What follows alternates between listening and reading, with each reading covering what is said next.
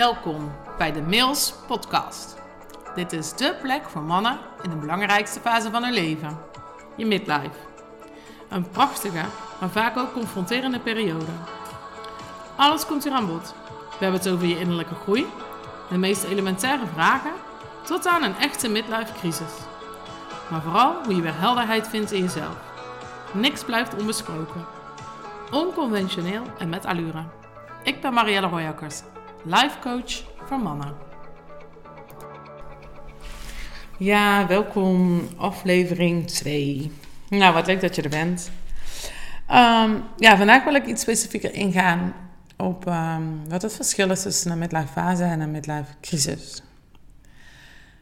Een midlife fase is iets waar iedereen um, in komt, man of vrouw.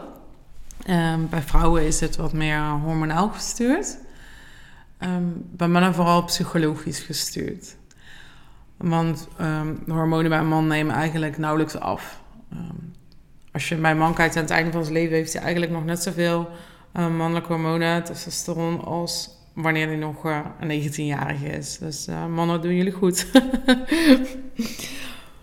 nee, bij mannen ontstaat er letterlijk tijd en ruimte in, hun, in het midden van hun leven. Omdat er minder aandacht naar de kinderen hoeft. Omdat er minder aandacht naar je werk hoeft. Dat wil niet zeggen dat je um, nu niet belangrijk meer bent in je werk. Maar je groeicurve zoals je die in het begin kende van je leven... die gewoon sky high gaat die vlakt wat meer af. Dat gaat minder hard. Dus er ontstaat letterlijk ruimte om na te denken over hele elementaire vragen. Zoals wie ben ik? Wat wil ik? Ben ik eigenlijk wel gelukkig? Is dit nou het leven? Is er niet meer in het leven? Shit zeg, moet ik de rest van mijn leven met diezelfde vrouw blijven? Oh, ik hou echt wel heel erg veel van mijn vrouw. Heb ik haar niet zoveel verwaarloosd? allerlei vragen die je kan hebben. De meest fundamentele overtuigingen die je altijd hebt gehad, die kunnen op zijn kop staan. En dat is echt iets heel goeds. En wat er gebeurt in een midlife crisis, is dat je jezelf daarom gaat veroordelen of gaat afwijzen. De tijd niet neemt om ze daadwerkelijk te onderzoeken. Of de ruimte niet neemt of de ruimte niet krijgt. Het zit hem vooral in de, de drie elementen veroordeling, tijd en ruimte. Want op het moment dat jij deze vraag hebt en met nieuwsgierigheid kan kijken naar jezelf, van ja, maar wat wil ik nou eigenlijk? Dan kan je de tweede helft van je leven, zo noemen ze het leven na de midlife. De, de midlife fase wordt gezien als een transitiefase. En je hebt een leven daarvoor en een leven daarna. Um, dan kun je je tweede leven bewuster gaan inrichten met dat waar je op dat moment behoefte aan hebt. Want je hebt andere behoeften dan je had toen je 25 was. En dan toen je 35 was. Dus je mag daar echt bij stilstaan. En als je dat met vanuit nieuwsgierigheid kan gaan onderzoeken, dan wordt jouw tweede leven enorm waardevol. Met veel diepgang, veel vertrouwen in jezelf, veel meer rust en helderheid, veel meer vervulling, zelfliefde, daar is die weer. Maar wanneer jij jezelf daarom veroordeelt dat je dat hebt, van, is niet zo raar, wat een onzin allemaal. En uh, ik hoef dat allemaal niet te onderzoeken. En als, zeker omdat ik vroeger geen step heb gehad. dat soort oordelen. Maar ook wanneer je er thuis niet over praat. Of misschien jouw vrouw daar wel uh, veel onzekerheid bij voelt. Ja, dan kan er een crisis ontstaan. Want je gaat jezelf begrenzen. En als de begrenzing ontstaat, dan ontstaat er druk, moeten. Nou, ik, ik, hoef niet aan je uit te leggen dat dat voor crisis kan zorgen. Dat een te strakke deadline nou, niet lekker werkt. Een deadline wel, maar een te strakke niet. Dat is zo verstrest. En dat is helemaal niet nodig. Het is echt niet nodig. Je mag dit gewoon gaan ontdekken zelf. En ja, sta er even bij stil dat het misschien voor je partner heel spannend kan zijn. Want jij gaat ineens ruimte innemen. Je gaat uh, tijd claimen. Je gaat zeggen. Je gaat van je laten horen. Ja, dat is wel even wennen. Want dat deed je nooit. Nee, je was altijd werken. Nooit thuis. Ook niet goed, maar je was nooit thuis. Ja, en nu wil je dan misschien een stuk eerder thuiskomen. Dan wil je misschien iets met die tijd doen. Of uh, je laat van je horen omdat je ja, een hobby wil gaan doen. Of met je vrienden weg wil. Of nou, whatever. Neem het, hè. Neem het wat, wat, wat is dat jij wil gaan doen. Ja, en je partner, je kan daar echt van schrikken. Dus die, er ontstaat ineens een verschuiving in de relatie. En dat kan ze helemaal op jou afreageren. Waardoor jij denkt van ja, shit, ik krijg die ruimte niet of ik kan het er maar beter niet over hebben. Of... En dan heb jij een afslag genomen en je partner heeft een afslag genomen. Als jij begrip op kan brengen naar je partner dat het spannend is en je partner jou die ruimte kan geven, dan kun je samen door die groei heen gaan. Voor haar is de angst: wie ben ik als jij verandert? Wat betekent het voor mij dat jij verandert? Wat betekent het voor onze relatie dat jij verandert? Sta daarbij stil, dat mag. geef het die ruimte. En het gaat, geldt ook ten aanzien van je werk. Want ja, je bent, hebt andere behoeften, hebt andere verlangens. En het hoeft ook allemaal niet meer zo nodig. Waar jij altijd alle gaten dichtloopt, alle ballen hoog houdt en voor alles en iedereen verantwoordelijk voelt, komt er een moment waarop je denkt: ja, hey, fuck it. Het is wel goed geweest, zoek het maar uit. Ik uh, ben vanmiddag gewoon lekker weg.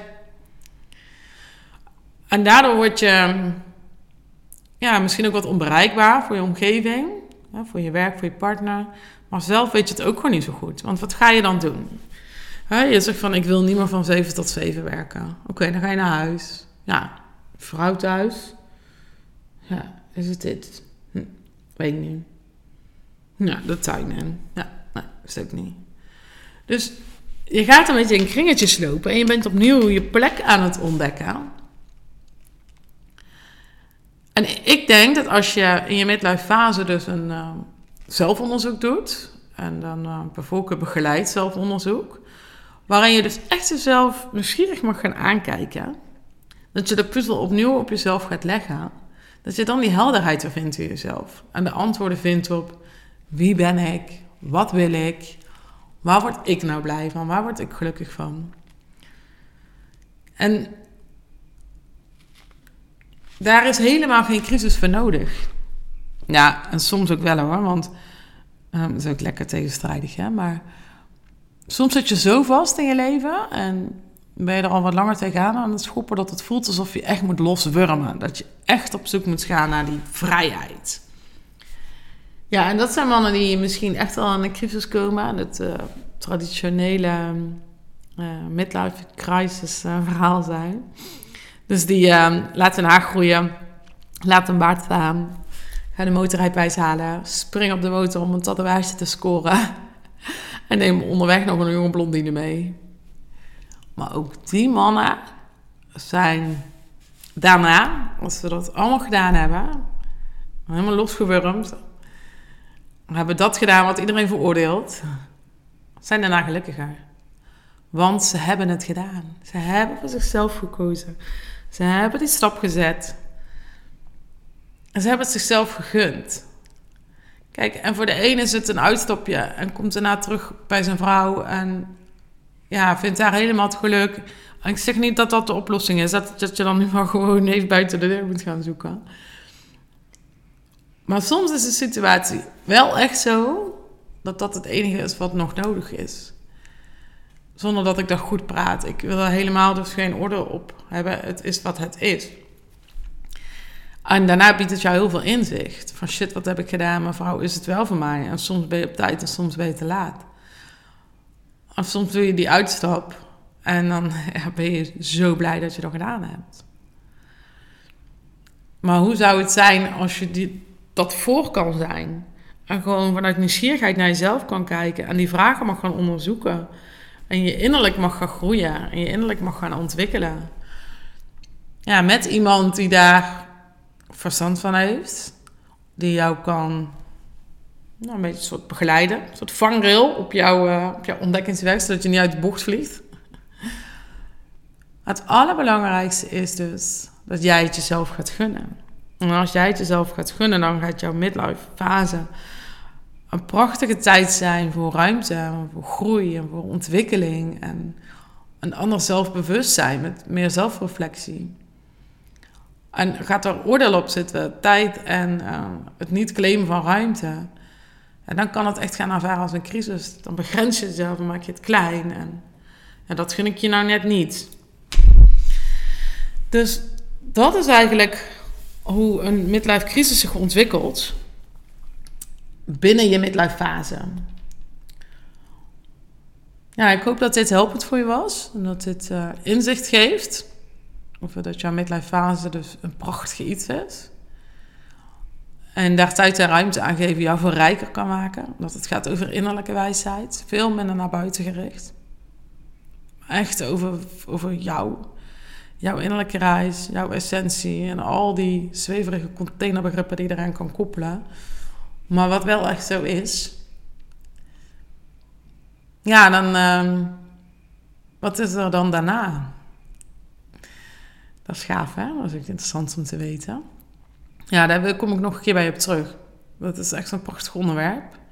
Ik weet niet of het direct het volgende is, maar uh, ja, wat is er daarna? Goed, ik, um, ik wil het je weer laten. Um, ik wens je een hele fijne dag, middag, avond, waar je dan ook bent.